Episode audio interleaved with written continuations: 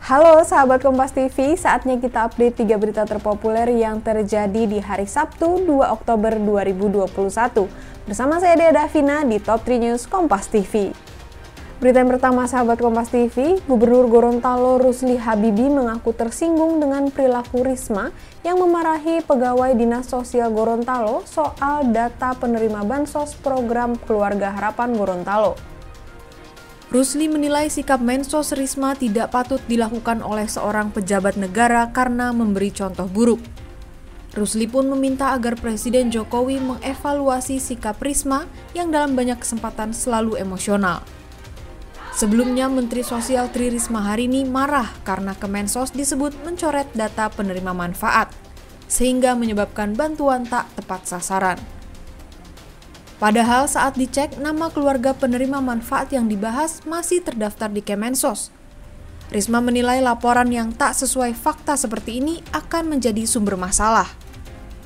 Pemprov DKI Jakarta menyebut telah menerima hasil penelitian dari Pusat Oseanografi LIPI terkait kandungan paracetamol di Teluk Jakarta. Bagaimana tanggapan selengkapnya? Berikut liputannya untuk Anda. Pusat Penelitian Oseanografi, Lembaga Ilmu Pengetahuan Indonesia LIPI menemukan kandungan paracetamol yang tinggi di Angke dan Ancol, kawasan Teluk Jakarta. Hasil penelitian tersebut masuk dalam publikasi LIPI yang diunggah pada 14 Juli 2021. Peneliti dari Pusat Penelitian Oseanografi Wulan Koago dan Zainal Arifin meneliti empat titik di kawasan Teluk Jakarta. Hasilnya, Angke terdeteksi memiliki kandungan paracetamol sebesar 610 nanogram per liter dan Ancol mencapai 420 nanogram per liter.